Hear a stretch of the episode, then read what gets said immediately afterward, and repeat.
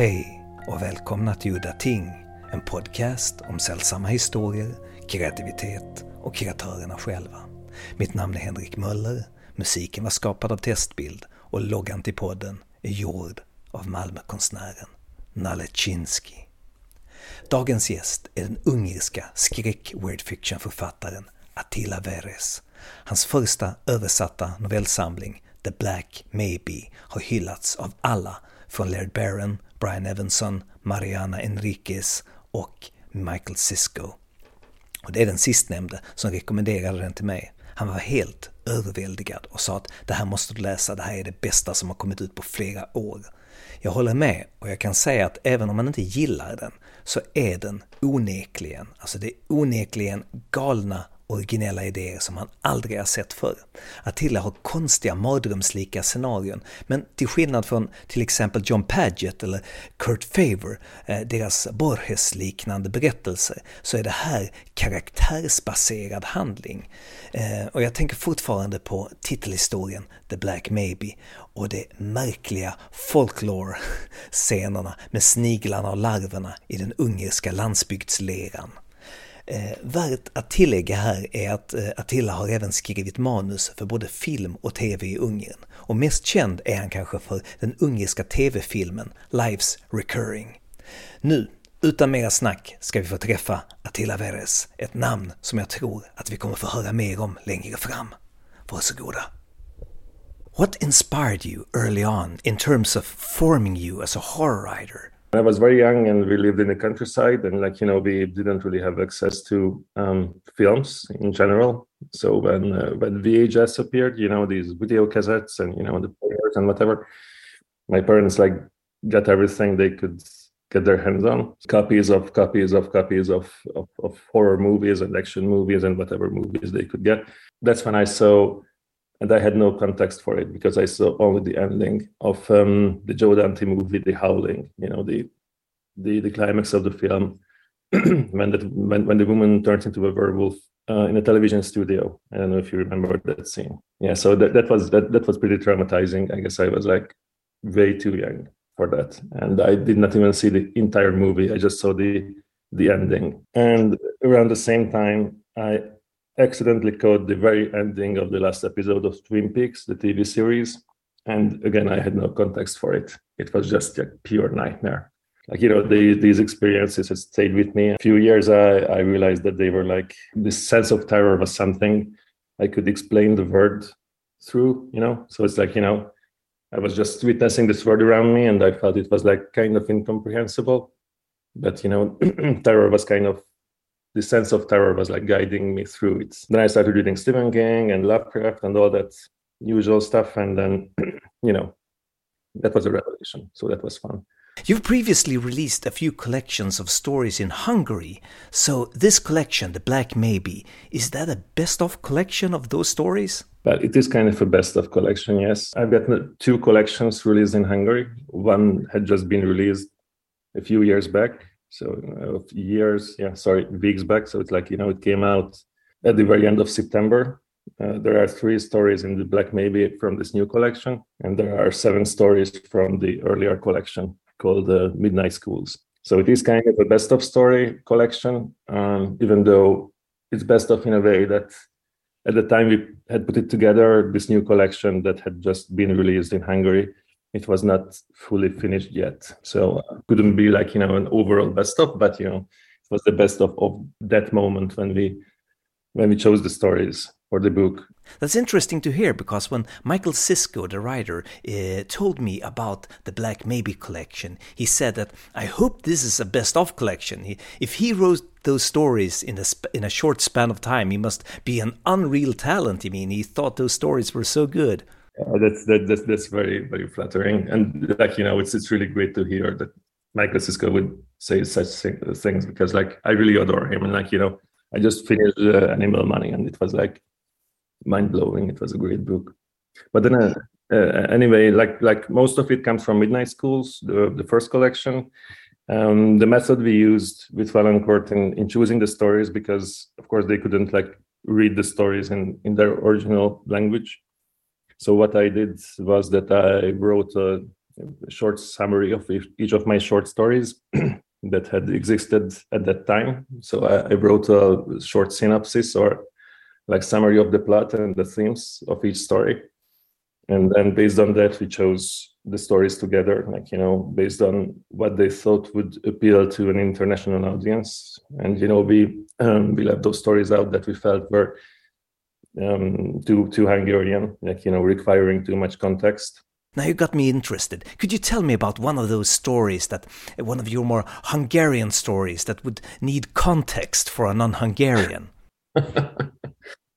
um, I guess there are two two main examples of, of stories that we left out because of the Hungarian context. One, I guess you could translate it as the blood red machine. Um, basically, the idea of the story that it's it's not a narrative, but more like just um, a citizen is talking about the city he's living in, or or yeah, and like the city is described as a machine, or it actually is a machine, and it kind of eats up the um, all the citizens or the residents of this of this city, and it, it's it's actually just a nightmare story. It's very dark and like violently nightmarish, and it's a fun story. But the point of the story is that it's very political. It's very much about Hungary and and how um, how the political system exploits people's fears and how it's twisting us around.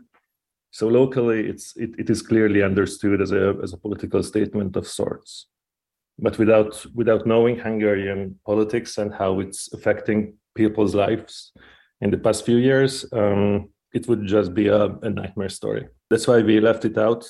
Um, there was an idea that we could include it and like you know include like a, a commentary that would give you context, but then I felt it was just you know too much sweat for for not much.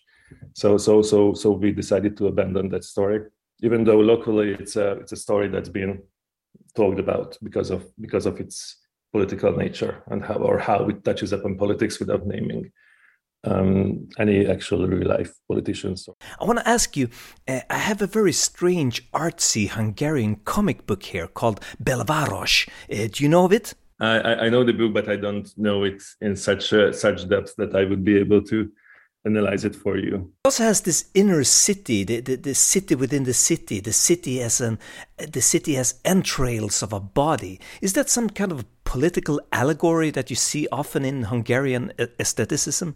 I don't think so. At least I don't see it that way. But it might be for for a, for a newer generation or for you know people who are coming in just now and just you know uh, doing something that's I don't know that they consider fresh or, or relevant and then the idea of a city turning against its residents is is very much or like a city that is kind of a, a digestive system because in my story it also turns into a digestive system of sorts it very much reflects on the on the idea of how we feel right now as uh, as Hungarians in this country. So so I guess I guess it's, it's a it's a theme that could very well pop up in any younger writer's work or artist's work because it is an experience that we we have. Yeah, so it's it's something that could be common for for for a lot of uh, artists. Speaking of which, in your story, The Black Maybe, it has a sort of a lore of its own. Was that an invention of your own, or is this a classic Hungarian folklore with a, a story of the snails and the farmers? Well, there is no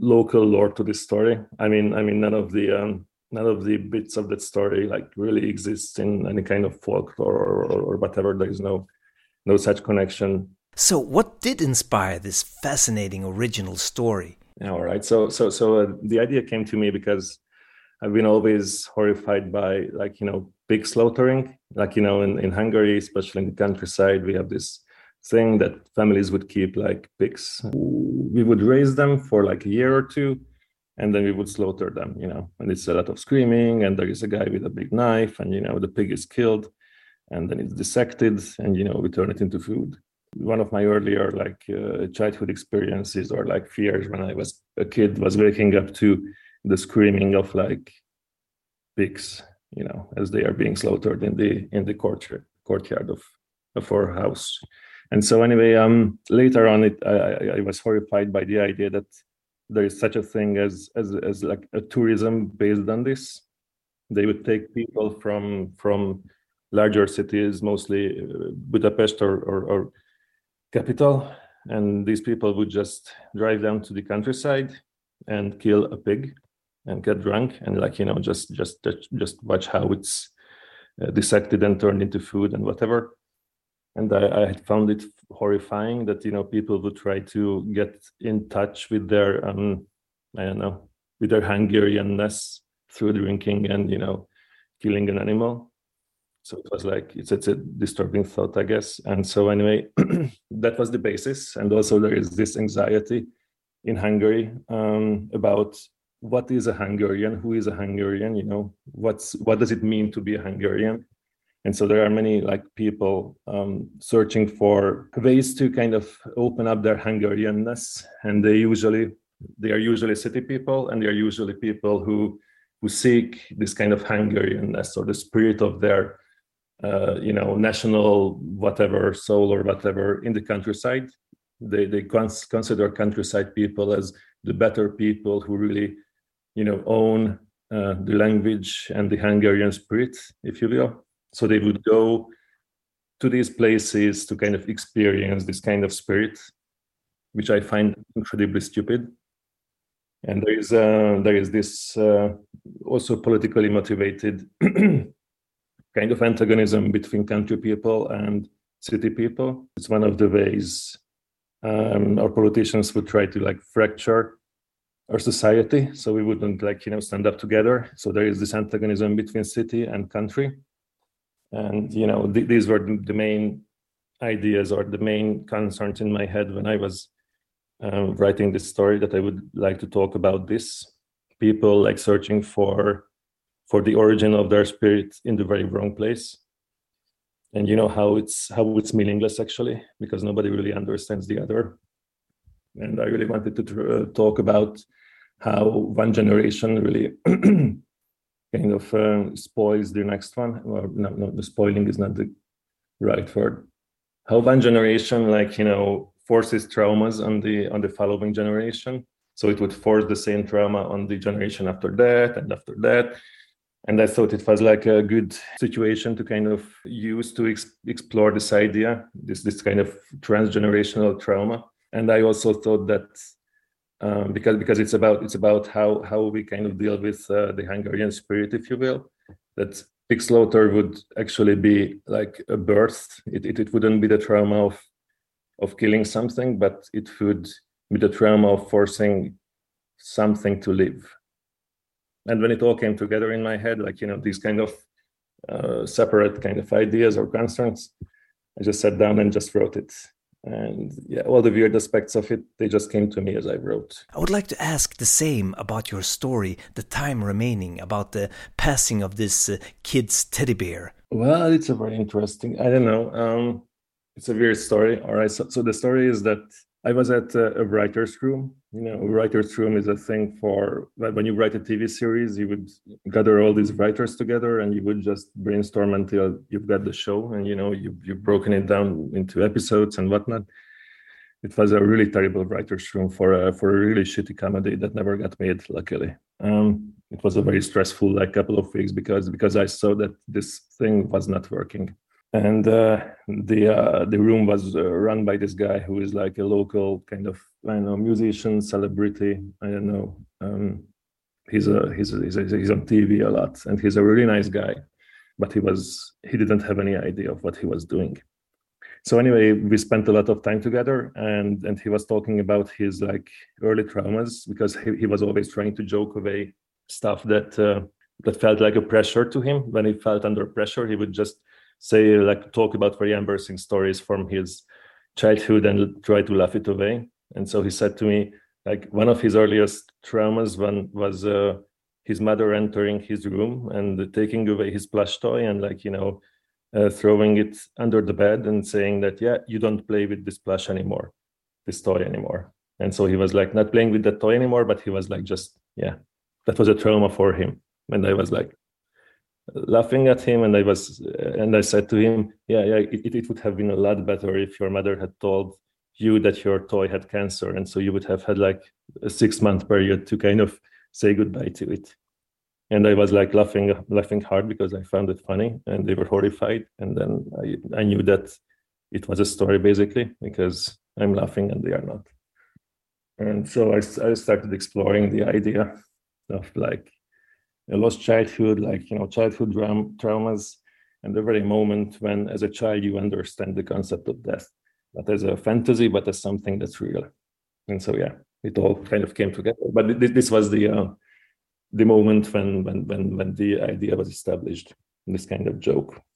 When I started reading it, uh, maybe just to me, but it seemed to me uh, that I wasn't sure if uh, in this world that you created there were plush toy animals that were really alive and created like test tube babies in China and then shipped around the world. Before I understood it, it was just in his head as a trauma of a lost toy and maybe lost childhood. Was it ever meant to be like that, or uh, that you could interpret it in two ways? No it was always meant to be. I, when i when i write something i very rarely like the idea of presenting a story that that could be um, real or could be fantasy you know? It, it it maybe maybe happen maybe it didn't happen. I, I i really hate that. For me like everything i write it does happen in the story. It's always real. And so i'm when i'm writing a story i always kind of look at it as something that's real and then i can kind of look at the implications of what it would mean if if all these bizarre concepts would be real. But i don't want to establish all the rules like you know like in an old school fantasy or like something like like a word building. I just want to kind of hint at the possibilities of of where these concepts would would go if they were like explored all the way. But i don't want to explore them all the way because i want to keep them a bit nightmarish. And then you only have this kind of nightmare this kind of nightmare sense of proceedings. If you leave something in the dark or if you if you kind of just focus on on, on what the character is, is experiencing and just hint at possibilities outside of this experience. So for me everything is real. I, I included the psychiatrist because i wanted to explore a person who knows he has got problems and he is trying to deal with these problems and he is trying to tell himself that it did not happen but then he reaches a point where where, where the world is broken finally and like you know there is no no coming back so yeah that's why i in, included the the psychiatrist uh, aspect in the story because I, I, I wanted him to try to deal with this and try to overcome this trauma and kind of reach a point when we understand that it is impossible to kind of overcome that in your story, Fogtown, it really seems that it could have been inspired by something that you have read on the internet. Very, yeah, kind of like the, the the the the age when the age when internet was fun, when it was really trashy, and you could just find any weird stuff. And there were there was no Google like real working Google where, where that would help you like sort out uh, the information. Just you just had this like incredible amount of information. Some of some of it false, some of it like you know is not false, but like you know kind of a half truth or like there were these weird homepages. Most of them are gone now. But yeah, sure. Like, you know, they kind of inspired the story. But what inspired that story most was kind of my own like teenage years or whatever. I was playing in a in a band. I was a drummer, which is fun. Everyone had a band, and it was like a, smallish town. So there, like you know, we had a lot of like shows, high school rooms, and and weird pubs that existed only for like six months or whatever. So it was like all the time when a lot of shows and a lot of things were happening a lot of bands were around but it was all just never meant to to last. And it didn't. Like you know none of those things i had experienced or none of the places or none of the bands are around anymore.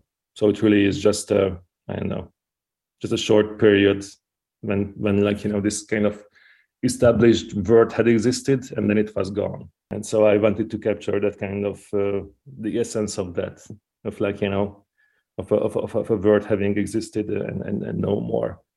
And I wanted to have this this guy who was kind of who kind of missed out on it, and he's searching for a way back because it's something that many people, I guess, do. You know, long for a, for a time when it was all more interesting. You know, it when it was when life seemed to have meant more with memories that that's not like you know that are not your own, but you read them read about them on the internet you know in, in a half forgotten blog about like you know a band that was really great but they only played like five shows and you feel like oh fuck i should have been there like you know maybe i maybe i would be a, a better person or like a a person who's someone else if I had seen those shows when I was 16, which is of course bullshit, but that's that's kind of what you think, right? Because because you feel that you have missed out on something very, very important.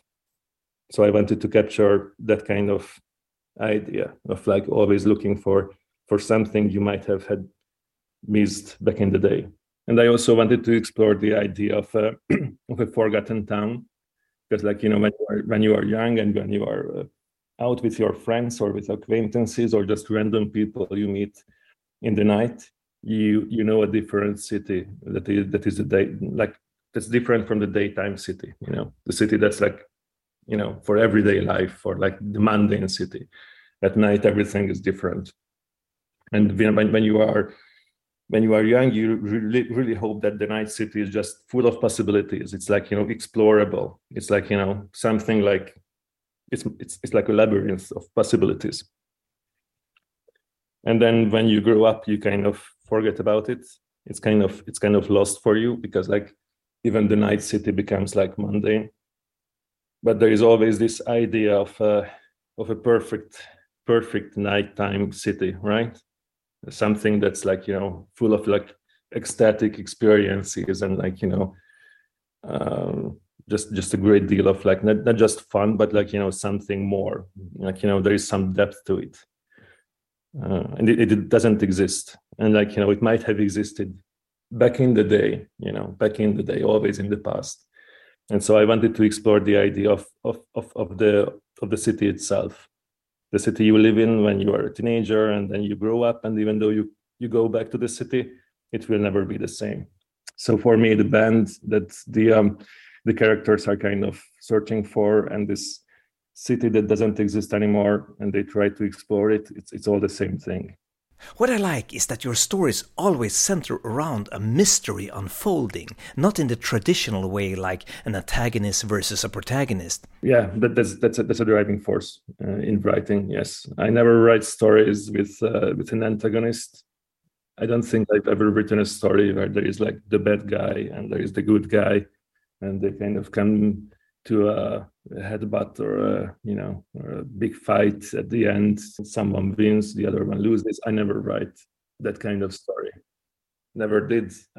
I don't think i, I, I ever will. I don't believe in antagonism at this point. When it comes to these kind of stories that i'm writing it's it's it's really killing the um, the whole thing. If there is like a clearly cut bad guy and a clearly cut good guy and like you know because because these stories are i guess you could say they they kind of lack morals in a way. There is no no wrong or or right in these stories. Or, or if there is it's not like a, a classic like you know um, morally wrong and morally right of course. What what drives me are people who are searching for for some meaning or for some kind of ecstasy or like some entry point into a world that could be you know larger than themselves. They really kind of seek some kind of a connection with uh, with the metaphysical with the universe itself or with something something higher than themselves. So i, I look at these stories as kind of people people on on a pilgrimage of sorts. And this kind of pilgrimage is is shown through a mystery like find the meaning of or or, or find the uh, the truth of and so yeah so so for all these stories the the driving point is is the mystery itself. And like you know for for me mystery is not something that's just a i don't know a, a very interesting sounding thing that could be a kind of a MacGuffin for a story but more more mystery is the ecstasy you will never reach right? So like you know something more that you will you will never get. And so yeah that's that's what mystery is for me when you talk about ecstasy in your stories, it makes me think about Arthur Machen and his lifelong obsession with ecstasy and ecstatic experience. Well, absolutely, yeah, I I, I agree with uh, with Machen in that, but I feel I also kind of explore it a bit differently. But yeah, the the general idea is kind of the same. Yes, yes, absolutely. To to to get in touch with something more, but uh, I, I believe for him this something more always like hides hides in nature itself you know in the in the woods in the mountains uh, the little people you know all that stuff. And for me it's uh, it's something that is not mythological or or yes so it's not rooted in in myth. It's it's more rooted in in kind of uh, a thing before mankind was even like conceived. Something that's kind of inherent in in in in time and space you know. So it's not not connected to nature but more connected to to an experience that would be uh, similar to i don't know a really hardcore lsd trip or whatever. So it's like you know something beyond the human experience there is, I feel, a lot of evil in your stories, and my, my definition of evil is sadistic pleasure, doing something to a complete stranger just to hurt them, not for money or any, any type, type of financial gain in any way, just evil for no reason. That would be my de- definition of true evil. How do you see it? No, I, I actually actually totally agree with you. It's just, uh, it's just as a writer, I'm not at this moment. I'm not interested in the in the psychology um, of these kind of people. Because like you know i believe that a writer can write these kind of stories or this kind of evil um, best if if he is or she is interested in this kind of um, pathological psychology of, of, of these kind of minds um, for example, there is this writer Thomas Tessier. Uh, I, I, hope I'm saying his name right. He was he was um, he was big, I believe, in the in the 80s. He wrote this novel called uh, Finishing Touches. Well, he's he, he's he's writing psychopaths really really well. When you are reading his stuff, it's like you are really in with the with the, with the guy who means harm, and you kind of see his point of view, and like you know, it all makes sense all the terrible things that that this that, that this guy is doing it all makes sense to you. And you feel like yeah all right he's got no other choice. But the guys in the in his books are always like total psychopaths and like you know people who have no understanding of other people's pain. And you know he's he's a fantastic writer because he he really can take you there you know in your head. And i wouldn't be able to do that because i'm not interested in that in that, in that kind of psyche or like you know but I agree with your evaluation that it is evil. Yes, but as a writer, uh, for me, evil in my stuff, in the stuff that I'm writing, evil is like something that's meant well. You know, in my stories, usually people who who really do terrible things, for example, to their kids or to other people, they always mean well by doing terrible things. They think it's, it's the it's the right thing to do, the only only right thing to do so for me in these stories evil is kind of missing like misjudged decisions uh, wrong information and you know the um, the impossibility to understand the other's needs and just forcing your own needs on the other. For example in the in the black maybe where the where the parents always force their children to kind of relive the same traumas they they live through as as parents back in the day. In the story, A Sky Filled with Crows, it starts out with a quote, and let me read here The psalm turned into heavy metal. It was not just the end, only the beginning. Devil, brother, keep playing. I shiver as I listen to your music. Where does that quote come from? It's a it's a Hungarian metal band. It it was the first Hungarian metal band that was allowed to um, to release a full album uh, back in the 80s. Uh, so they were like you know before the change of the of the, of the system and you know in in the back in the uh, days of state socialism uh, you know that there was heavy control on what music could be released through the national label and the national label was the only label so it's like you know you you either got released or you didn't and this band called Pokolgép, which means uh, Hell Machine, basically. Um, um, they were the first ones to release an album, uh, and they were the first Hungarian heavy metal band, basically. And so, um, well, they are they are kind of interesting, but only for Hungarians, of course. The the, the story opens with uh, with a line from one of their songs. This was the um, the lyric that inspired the story, actually because I was sitting uh, in in a, in my car. I was driving down. I don't know somewhere. I don't I don't even remember. And for some reason, like for, for, for a very short while, there existed like a rock rock station in Budapest, which was like, of course, it, it I was tuned to that when I was driving, and this song came up.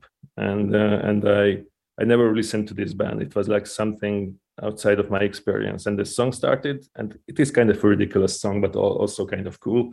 And I was like, yeah, cool. Like, it's about the devil and like you know how it's haunting people and whatever. It is really a, a terrible piece of lyrics, I believe, but there is some kind of honesty in it, which I which I appreciate.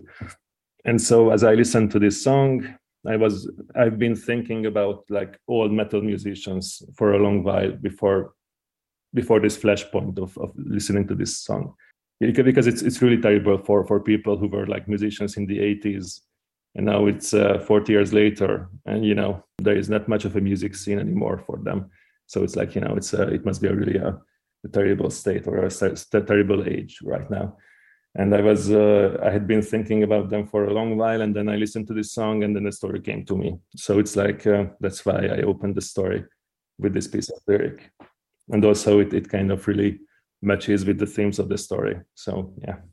So that's why. Oh, of course it's um, it's a lot funnier when you are hungarian and and then most hungarians would know what the band is and you know would know what the song is but uh, i didn't want to lose it for the english translation even though it might not mean the same thing to you you always have very good opening lines in your stories, and this one from "Walks Among You" is probably my favorite. Uh, uh, let, let me let me read my uh, this opening line.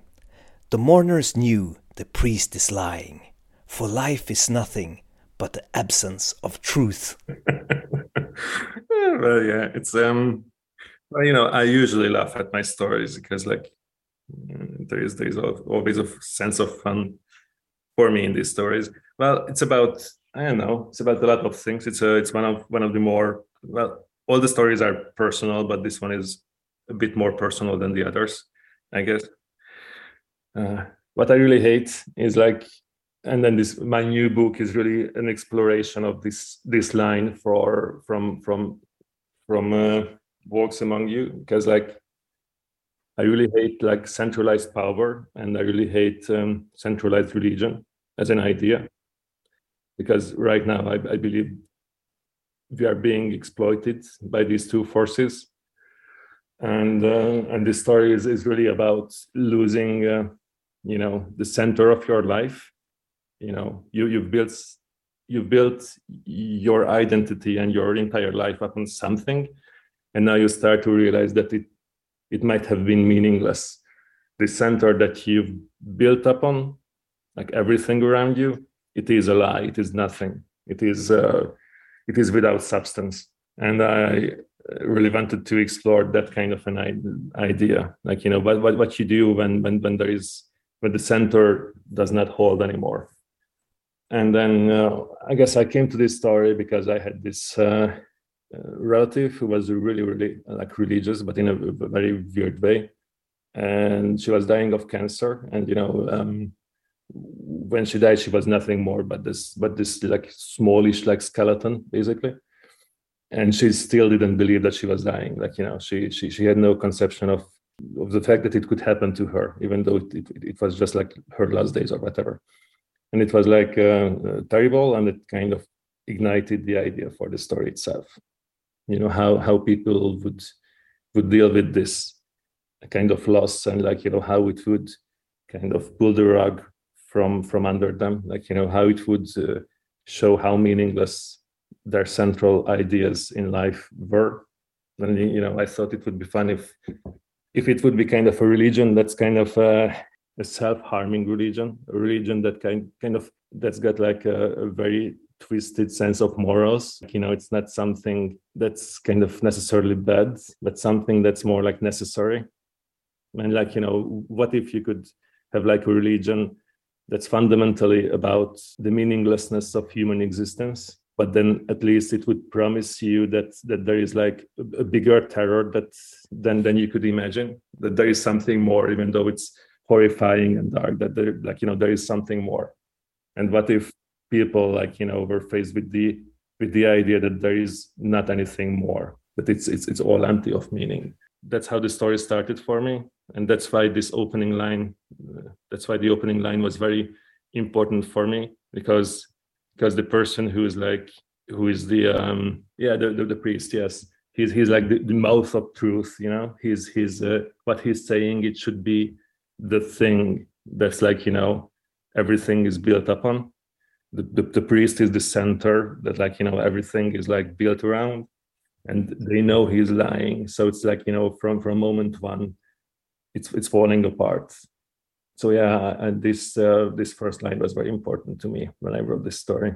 Like you know everything in this story is built upon this first sentence i really love strong first sentences even though i'm not crazy about them like you know i'm, I'm trying not to sweat about them too much but I when I have a good opening, I know that I have a good story. You released a book in Hungary that translates to Midnight Schools, and of course, I've not read it because it's in Hungarian, but here in this collection, there is a story from that collection, and it's called Midnight School. How does that fit into the Midnight School collection? Like, is it connected to other stories or just a, a theme of Midnight Schools? it's, it's one of the centerpieces of that book and um, that and then the Imber complex those are the two main pieces of, of, of midnight schools. Well, midnight schools is a book it's, it's about uh, i believe it's 50 short stories and um, the stories are all set in kind of the same universe if you will. So so many of them are interconnected. There are characters who are showing up uh, in a later story or their stories get their closure and a later story in a book. So it's like you know by the end like you know it, it, kind of all comes together but there is no not necessarily like a bigger meaning to the whole book. It's just that they are all interconnected. Because like i wanted to explore the idea that um all these people are like living in the same world. We are living in the same world and we have all our own like problems or like we all have our own traumas or we have all our own like kind of impossible situations and still when we meet someone else with kind of their own problems we never talk about it right? We just like kind of coexist without like trying to reach out to the other trying to help the other like you know because because we are too much stuck with our own shit and so we don't care about the other people's shit and like you know the other way around too. So i wanted to explore the idea that there are these stories there are these people with their with their nightmare scenarios and they will never really understand that someone else is also in that kind of same same boat. Because like you know because like uh, i felt that hungary was like that at the time. It was uh, 2017 and so it's it's kind of interconnected because i wanted to explore the idea that even though the stories are interconnected and even though we know that these people are connected to each other they will never know. So yeah that's the irony of the book. But then again 15 stories seven of them uh, are in the black maybe the Black Maybe doesn't really explore the idea of this interconnectedness because because some of the key stories are missing from the Black Maybe that would uh, allow you to understand this kind of interconnectability. Um, it was kind of an interesting. I don't want to talk about the book in a way that because like you know it's it's like talking about myself and like it's like talking about how great I am, but it's bullshit. But but the the book was kind of uh, I, I believe a breakthrough at least for me personally, but also I believe for speculative fiction in Hungary, because it is one of the, I believe, one of the first books, or maybe the first book that kind of takes Hungarian reality as it is and kind of shows it in a way that everyone in Hungary would recognize. Because, like, you know, people usually recognize themselves or their surroundings in these stories, whether they are set in the city or the countryside, it doesn't really matter. They, they will see situations and, and, and themselves and their lives reflected in the book uh, so so so it's kind of very well constructed in a way that that it would reflect contemporary Hungary, but also also it would bring in very weird speculative ideas that are not like that feel like genre, like horror and weird and fantasy and whatever, but they are not built on genre tropes. So it's not like you know the big werewolf monster chasing a girl down the street or whatever, but like you know very weird. Like you've read seven of them, so it's like weird concepts so it, it, it, was kind of a breakthrough uh, when it got released. And it's um, yeah it's still selling well uh, they still talk about it. So so the main aspect of midnight schools was that it brought something new um, to the hungarian literary scene. Well it sounded like a very assholish thing to say but yeah. And now i've got this new book coming out or it had already come out basically. You've read uh, uh three stories from it in the black maybe uh, they are to They are uh, To Bite the Dog, The Black Maybe itself, and uh, The Time Remaining. Those uh, three, three stories are from this new book. And it kind of is similar to Midnight Schools in a way that the, the stories are, are interconnected. But it's a very weird book because I, I, I kind of look at it as if it were and I wrote it that way also, as if it were a novel. So basically, it's 14 stories, but I see the book as a novel or like something that's kind of an experimental work between a collection and a novel because it's hard to explain and it might be boring because I wanted the stories to be separate, but also to add up to something more. And finally, like, you know, the, when the book reaches its conclusion, kind of all the stories come together and they kind of give you the idea of what the book is about which I don't want to spoil, or like it is kind of impossible to spoil. But um, but yes, so I kind of kept on exploring kind of ideas from the from midnight schools, only had taken them a lot further. You've written a lot of short stories. Is that your preferred format, or do you have plans to write a full length novel? I had written a novel in the mean, meantime. Like, you know, my book before Midnight Schools was uh, a novel called Darker Outside, which was a big success and like you know everyone loves it and blah blah blah blah blah. blah. It was a novel, a short one, but it was a novel. And uh, but like you know, I, I always loved writing short stories more. And after Midnight Schools, I tried to write. Actually, I wrote a novel. It's a fucking long novel, and took me four years to write it. And when I finished it, I realized that I, I wasn't feeling anything about it. That I, I I didn't feel it was it was right. And I felt I needed to talk about uh, contemporary Hungary because this novel I had written, uh, it's about my hometown and it's about the past and time and like you know how how we change and how society changes and like you know it's a high concept weird horror novel and there are like you know like 60% of it is really great. And i'm really satisfied with it but the remaining 40% that would be the center of the book i don't know it just never came together for me. And i was i kept thinking about it like you know why why I have this uh, paralysis when it comes to that book. And then I started writing this new one, and it was a really fast and really intense process. And even though it's short stories, I wrote them as if it were, a novel. So it was like, you know, it, it was, I sat down and like, you know, just did the stories, but I did them in a way that I knew that they would be, that they could only be read together. And then I had understood that in order to talk about contemporary life and Hungary, like you know the world, like politics, where everything is fractured and like you know nothing makes sense anymore, and there's like you know everyone lives in their own kind of uh, set of reality. I understood that I believed that the novel form was basically a lie, or like you know if if I talked about these issues uh, in the form of a novel, I would have to lie about it because in order for a novel to to work you have to kind of make sense at the end. It sounds weird right? So so it's basically you start the story you tell a story you conclude the story but then you have to believe that you have got a story. And the story is kind of an explanation for the world right? It has to kind of come together and kind of make sense. And i felt that it was a it was fundamentally untrue for the world i was to talk about and I had understood that this kind of format between short stories and novels is the format that I can try to explain my ideas about the world right now. Right? Everything kind of almost makes sense, but then it never does.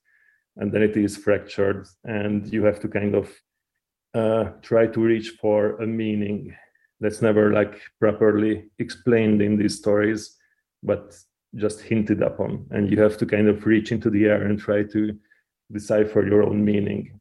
I usually end each episode with a writer to let him recommend uh, some of his favorite books to the listeners. Allow me to move out to my to my to my bookshelf just a moment. So one of the defining books i would be i, I would say would be um, nathan Ballingrud's american lake monsters.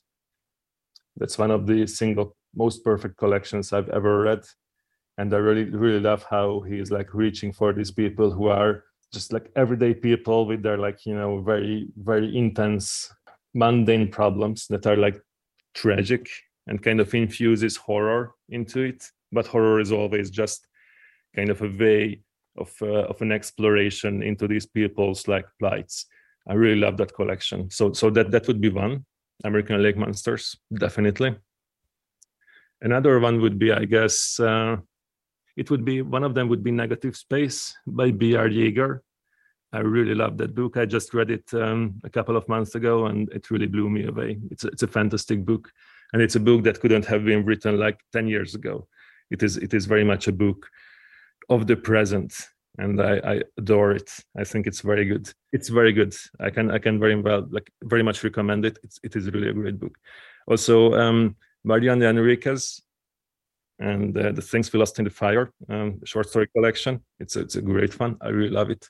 Also, M. John Harrison. M. John Harrison's uh, uh, "You Should Come with Me Now." Also a short story collection. Maybe it's not horror, so, so it, it might have been a mistake to say this, but it is also a great book. Also, Brian Evenson. Anything by him? Uh, but I would say right now it would be Windeye. I would say Windeye by, by Evenson. It's been a great inspiration, and it's a it's a book that I absolutely adore. There are so many. It's like you know so many. Also, Caitlin R. Kiernan, I, I really love her books, especially the new ones. And I would say, I would say The Dinosaur Tourist. Yeah, that's one I would recommend. No, it's a short story collection. She does a lot of collections, also novels too, but um, I love her short stories. It's it's always just you never know what she gets into in the next one, and it's like you know it's it's I love to explore her books and like you know what kind of weird shit she's throwing at me in the next next story. Also, one of the defining collections or books for me is T.D. Klein's Dark Gods. I really love that one. It's a fantastic book. Also, Kathe Koja, Extremities and Velocities, the two collections uh, she's got there. Uh, I love them too. I could go on for like forever, so it's, maybe I better stop now. Ja, Och med de orden så vill jag gärna också rekommendera en bok. Attila Veres samling The Black Maybe. Fantastiska, originella short stories med helt fräscha idéer, enligt mig i alla fall. Den är helt nyutkommen. Nu i början av oktober släpptes den från Valancourt Books och den kan beställas, gissar jag, genom de flesta internetbokhandlar. Så ut och köp och läs! Det var allt för den här gången. Mitt namn var Henrik Möller. Musiken var skapad av Testbild. Hej då!